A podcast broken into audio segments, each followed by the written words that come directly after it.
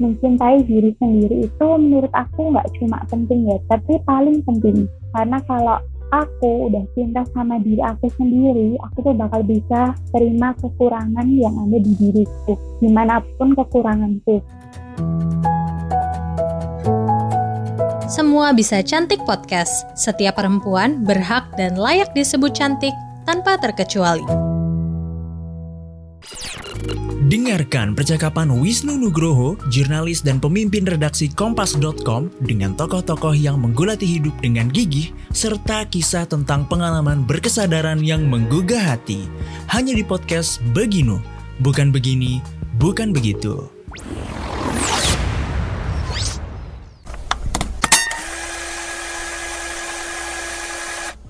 Halo Style Lovers, selamat datang kembali di podcast Semua Bisa Cantik yang akan membahas kecantikan lebih dari sekadar fisik semata. Kembali bersama aku Cherry. Di episode ini aku sudah bersama dengan Alfioni Charisa Putri yang akan sharing mengenai pentingnya mengenal dan mencintai diri. Sebelumnya, Vio pernah mengalami beauty shaming karena memiliki tubuh kecil dan curvy. Namun, berkat kecintaan terhadap dirinya, perempuan yang akrab disapa Vio ini berhasil sukses berkarir di bidang akuntansi dan menjadi beautypreneur. Nah, sebelum mendengarkan perbincangan ini, jangan lupa follow dan beri rating terbaikmu untuk podcast Semua Bisa Cantik di Spotify, serta nyalakan notifikasinya ya supaya kamu tahu setiap ada episode terbaru yang tayang di hari Selasa dan Kamis ya.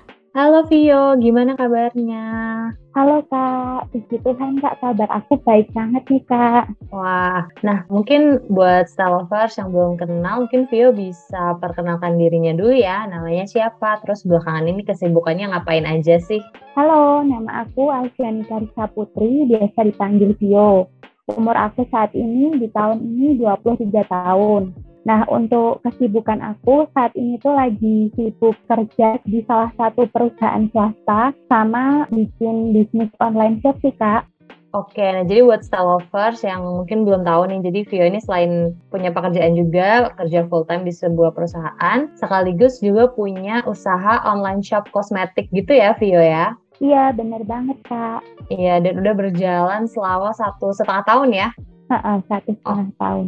Jadi keren nih sebagai seorang entrepreneur muda gitu ya. Nah, sebelumnya tapi Walaupun sekarang Vio ini sebagai perempuan muda yang kita bisa lihat dengan jelas lah punya karir dan sebagai entrepreneur juga gitu. Tapi siapa yang menyangka kalau ternyata dulu Vio ini pernah mengalami yang namanya beauty shaming yang membuat sekarang Vio ini adalah salah satu penyintas beauty shaming. Nah, Vio jadi dulu kan kamu pernah mengalami beauty shaming ya kalau salah sejak usia yang masih kecil dan sempat membuat kamu juga jadi ngerasa nggak percaya diri. Mungkin boleh diceritain dulu nggak sih pengalaman beauty shaming yang kamu alami? Oh iya, ya sih Kak, benar. Jadi pengalaman beauty shaming aku itu secara keseluruhan nih. Jadi sebenarnya waktu sebelum aku SMP, aku tuh ngerasa nggak pernah dibully gitu.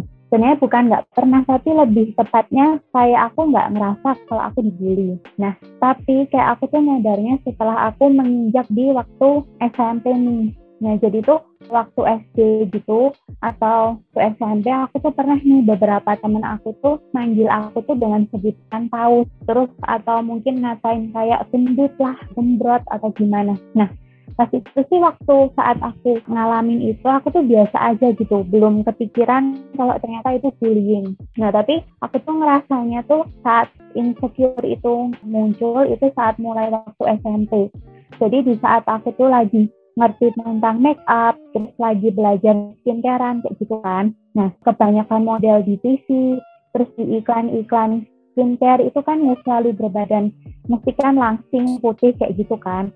Nah, dari situ tuh aku ngerasa kalau main side cantik itu tuh harus kurus, harus putih kayak gitu. Ditambah lagi kadang itu tuh aku ketemu sama orang-orang kayak semisal uh, orang-orang terdekat sih sebenarnya kayak udah lama nggak ketemu terus waktu ketemu kenapa bahasa basinya tuh selalu komen kayak gini kok tambah gendut atau kok sekarang masih gendut aja kayak gitu. Nah terus mulai dari situ aku tuh mulai overthinking gitu. Kayak sedih aja kok aku gendut sih, kok aku kayak jerawatan, kenapa aku harus punya uh, badan yang kayak gini gitu. Nah jadi aku tuh ngerasa nggak bersyukur kan sejak saat itu. Lebih tepatnya waktu SMP kelas 1 sih. Nah, aku jadi nggak bersyukur, terus malah fokus aku tuh sama kesedihan aku gitu. Jadi kayak lebih sering menyalahkan diri aku. Kenapa kok aku gendut? Kenapa kok aku harus jerawatan? Padahal aku juga udah skincarean udah berusaha memperbaiki. Nah tapi karena rasa insecure aku itu muncul jadi tuh malah itu bukan aku bukan fokus memperbaiki diri aku tapi lebih ke kayak fokusnya tuh nyalain diri aku gitu kak. Nah itu sih pengalaman yang paling bikin aku jadi tambah nggak pede jadi ke mana-mana bikin down gitu pakai baju apa-apa tuh ngerasa takut nanti kelihatan gendut kelihatan ini kelihatan itu gitu sih kak pengalaman aku waktu SMP. Oke, jadi mulai sangat dirasakannya itu waktu memasuki usia puber juga ya itu ya? Iya bener kak. Mm-mm. Pertamanya mendapat candaan gitu disebut paus dan lain-lain, kemudian uh, dari orang-orang sekitar, kemudian juga apa ya karena melihat dari media dan media sosial tadi ya foto-foto model gitu bahwa ternyata kayaknya ada standar kecantikan yang kemudian membuat Vio merasa penampilan Vio tuh jauh dari standar kecantikan yang diekspektasi oleh orang lain gitu ya. Dari pengalaman itu kayak ada nggak sih momen di mana kamu benar-benar ngerasa terpuruk banget dan benar-benar kayak nggak percaya diri sama penampilan kamu? Ya benar, nah jadi setelah itu efeknya tuh bikin aku down gitu kan, kayak aku jadi sering kepikiran, kenapa kok kayak gini ya, apa aku di mata orang-orang tuh jelek, nah itu tuh aku tambah down terus malah tambah kepikiran terus kayak aku tuh mendem semuanya sendiri gitu. Jadi yang biasanya dulu-dulu aku tuh nggak ada masalah sama diri aku. Waktu itu tuh jadi buat aku tuh masalah nomor satu gitu. Aku kadang nangis gitu. Diem-diem tuh kadang aku nangis. Kenapa ya? Kok orang-orang pada bisa cantik bisa kurus. Terus habis itu uh, aku tuh jadi sempat gitu kepikiran.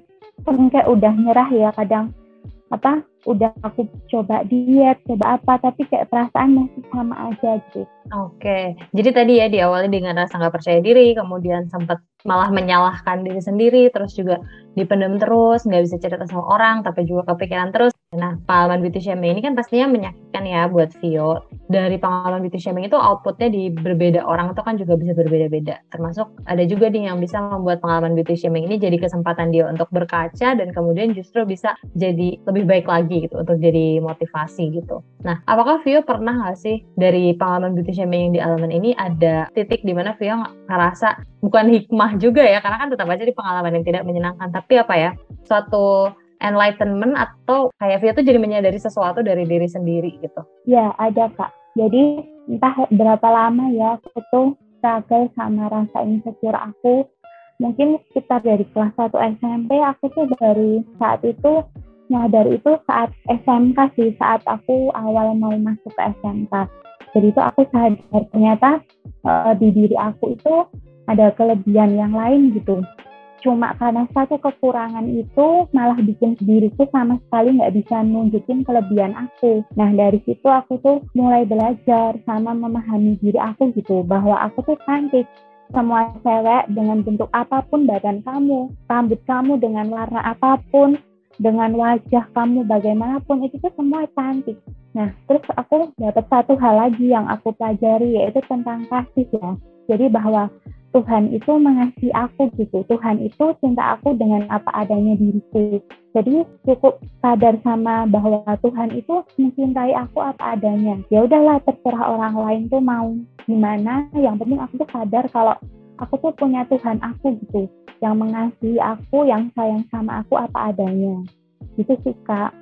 Oke, wah bagus banget sih. Jadi yang pertama mungkin karena sering kali ketika kita lagi punya perasaan insecure gitu, kita terlalu berfokus sama perasaan negatif itu sampai kita nggak bisa melihat positifnya diri kita sendiri gitu ya, Vio ya. Iya. Dan yang kedua tadi soal pelajaran mengenai rasa kasih gitu ya, betapa pencipta itu udah memberi kita kayak gini gitu. Bagaimana bisa kita tidak sayang sama diri kita sendiri karena ini yang udah dikasih sama sang pencipta gitu ya. Nah. Dengan menyadari kalau ya aku tuh memang seperti ini gitu. Inilah aku uh, apa adanya kemudian bersyukur dengan tubuh kita yang sehat, kemudian bisa mulai mencintai diri sendiri gitu. Nah, menurut Vio, kenapa sih mencintai diri sendiri itu penting?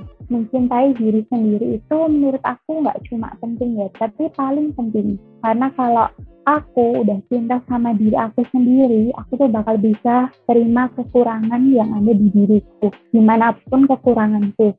Jadi kalau semisal aku udah cinta sama diri aku, entah di mana pun kekurangan yang ada di diri aku itu udah, ya aku akan nerima gitu. Sama kalau kita mungkin lagi suka ke seseorang itu pasti juga kita akan terima kan apa pun kekurangan dia. Nah itu juga berlaku buat diri sendiri dengan aku ngerti oh kalau aku tuh mencintai diri aku aku tuh ada kelebihan yang lain gitu. Aku itu pantas gitu untuk ada, aku pantas untuk orang lain tuh ngelihat kelebihan aku yang lainnya. Nah itu udah deh orang mau bilang apa pun tentang diri aku, aku nggak akan sakit hati.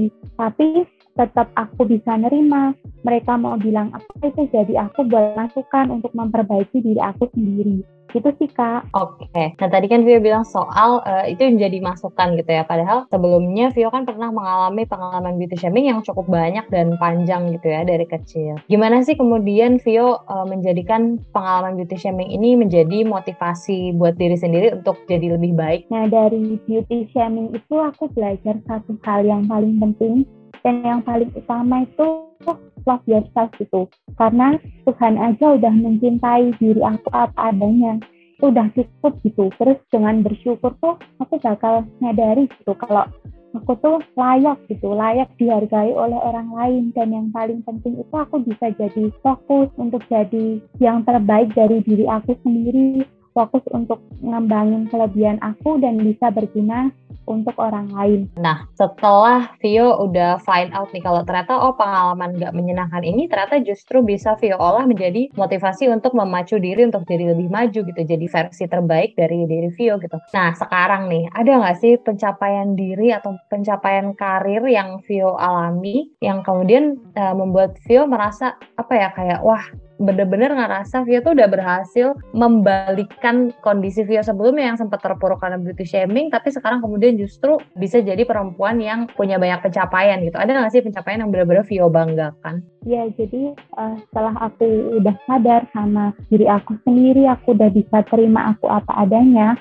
Nah, jadi waktu waktu SMK itu uh, aku benar-benar fokus nih jadi sama kelebihan aku. Kan kebetulan kelebihan aku nih di waktu sekolah kan bisa dibilang pinter gitu ya. Jadi aku tuh fokus nih sama sekolah aku sama belajar aku. Nah dari situ tuh aku dapat waktu di SMK itu sering dapat ranking satu gitu. Nah terus di suatu saat aku bisa kesempatan ikut lomba saat waktu kelas 3 SMK dan dari situ tuh aku waktu ikut lomba itu masih ada kayak ketakutan gitu. Kok nanti aku nggak bisa gimana? Kalau aku nggak menang gimana? Tapi ternyata waktu itu puji Tuhan aku tuh bisa menang gitu lomba akuntansi. Ada lah lomba akuntansi tingkat kota gitu. Walaupun kelompok ya lombanya tapi itu buat aku tuh benar-benar jadi nambah. Wah ternyata kalau aku fokus sama diri aku aku bisa ya. Dan dari situ orang-orang banyak kayak teman-teman aku gitu. Pada muji-muji aku itu bikin aku kayak gini bukan kesombong tapi kayak wah ternyata tuh aku yang dulunya aku ngerasa aku tuh nggak nggak dihargai aku yang dulunya ngerasa kayak orang paling nggak berguna orang yang paling jelek atau apa. Tapi ternyata tuh ada gitu orang yang pengen ada di posisi aku dengan kelebihan yang aku punya. Jadi dari maksudnya ya Via sendiri juga mungkin nggak menyangka dan merasa senang banget ya dulu pernah ngerasa terpuruk banget dan nggak percaya diri banget dan sekarang bisa berada di posisi di mana Vio bisa bilang orang lain tuh ada yang mau di posisi aku loh dengan pencapaian Vio sekarang gitu ya. Apalagi maksudnya sekarang juga sambil kerja terus sebagai entrepreneur juga punya usaha yang udah dijalanin jalan 2 tahun itu kan bukan sesuatu yang mudah gitu ya. Jadi tadi kuncinya adalah ketika kita percaya diri kita bisa lihat kelebihan kita apa kita bisa fokus ke situ dan ketika kita udah punya pencapaian orang lain tuh nggak akan lagi komentarin yang negatif tentang penampilan kita ya karena tadi kita udah punya prestasi yang bisa kita banggakan gitu ya. Iya bener banget kak. Oke, nah tapi tadi Vio ini kan salah satu apa ya kayak success story lah ya yang bisa membangun motivasi dari pengalaman beauty shaming yang pastinya itu adalah sesuatu yang berat gitu karena kan di awal beauty shaming ini sempat membuat jadi insecure nggak percaya diri kemudian ada yang seperti Vio ada yang bisa berhasil menjadikannya motivasi tapi mungkin ada juga yang masih stuck dalam keadaan uh, kurang percaya diri itu. Nah Vio nih sebagai sosok yang bisa jadi inspirasi ada nggak sih tips buat style lovers biar bisa mencintai diri mereka sendiri dan uh, membuat beauty shaming ini menjadi kayak motivasi yang positif buat diri mereka? Tips dari aku ya untuk mencintai diri sendiri. Nah, yang paling penting itu kamu sadari dulu gitu bahwa kamu itu layak dicintai udah itu paling paling penting udah cukup jadi dengan apa pun yaitu kamu balik lagi kamu layak dicintai Jangan pernah biarin hal-hal yang negatif itu masuk ke dalam diri kamu dan menggerogoti diri kamu sendiri. Contoh nih ya, kalau ada yang komen misal kok kamu gendut, nah terus kita sakit hati. Itu menurut aku yang paling salah itu bukan yang ngatain, tapi diri sendiri. Kenapa kok kita biarin sakit hati itu masuk ke dalam diri kita gitu loh. Nah, harusnya kan kalau kita nggak ngebiarin sakit hati itu ada, ya kita akan baik-baik aja gitu. Jadi belajar aja buat perkataan orang yang sekiranya itu bisa menyakiti kamu, jangan biarin sakit hati itu masuk gitu. Bikin aja tuh sebagai saran buat masukkan diri sendiri. Oke, jadi yang pertama kamu harus yakin kalau kamu itu pantas dicintai dan bisa dimulai dari diri sendiri ya dengan tidak membiarkan orang lain menjelek-jelekkan harga diri kita gitu ya. Yuk.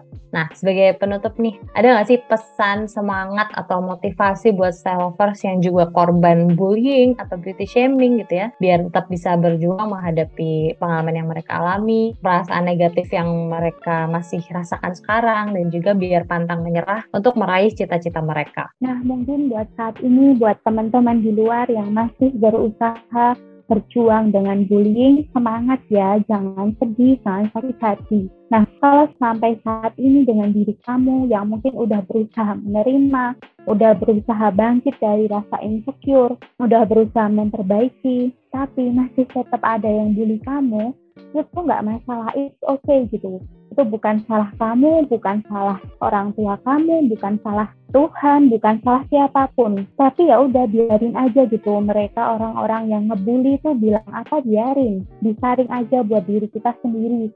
Mana yang bagus kita kita pikirin untuk memperbaiki diri kita sendiri. Tapi jangan sampai itu tuh bikin diri kamu down. Kita harus tetap fokus. Cita-cita kamu itu apa? Fokus sama tujuan kamu. Mungkin ada yang cita-citanya membahagiakan orang tua fokus gitu. Wah, nice banget. Thank you ya, Vio udah mau sharing banyak hari ini. Sangat-sangat inspiratif pengalaman dan ceritanya dan kata-kata semangatnya juga semoga bisa membantu banyak style lovers di rumah. Iya, sama-sama Kak. Buat teman-teman di luar, semangat terus ya. Pokoknya cintai diri kamu sendiri. Style Lovers, itu dia episode bersama dengan Alfioni. Usahanya untuk membuat beauty shaming sebagai motivasi perkembangan diri membuat Vio berhasil sukses, berkarir, dan membuat versi cantik untuk dirinya sendiri. See you in the next episode, Style Lovers!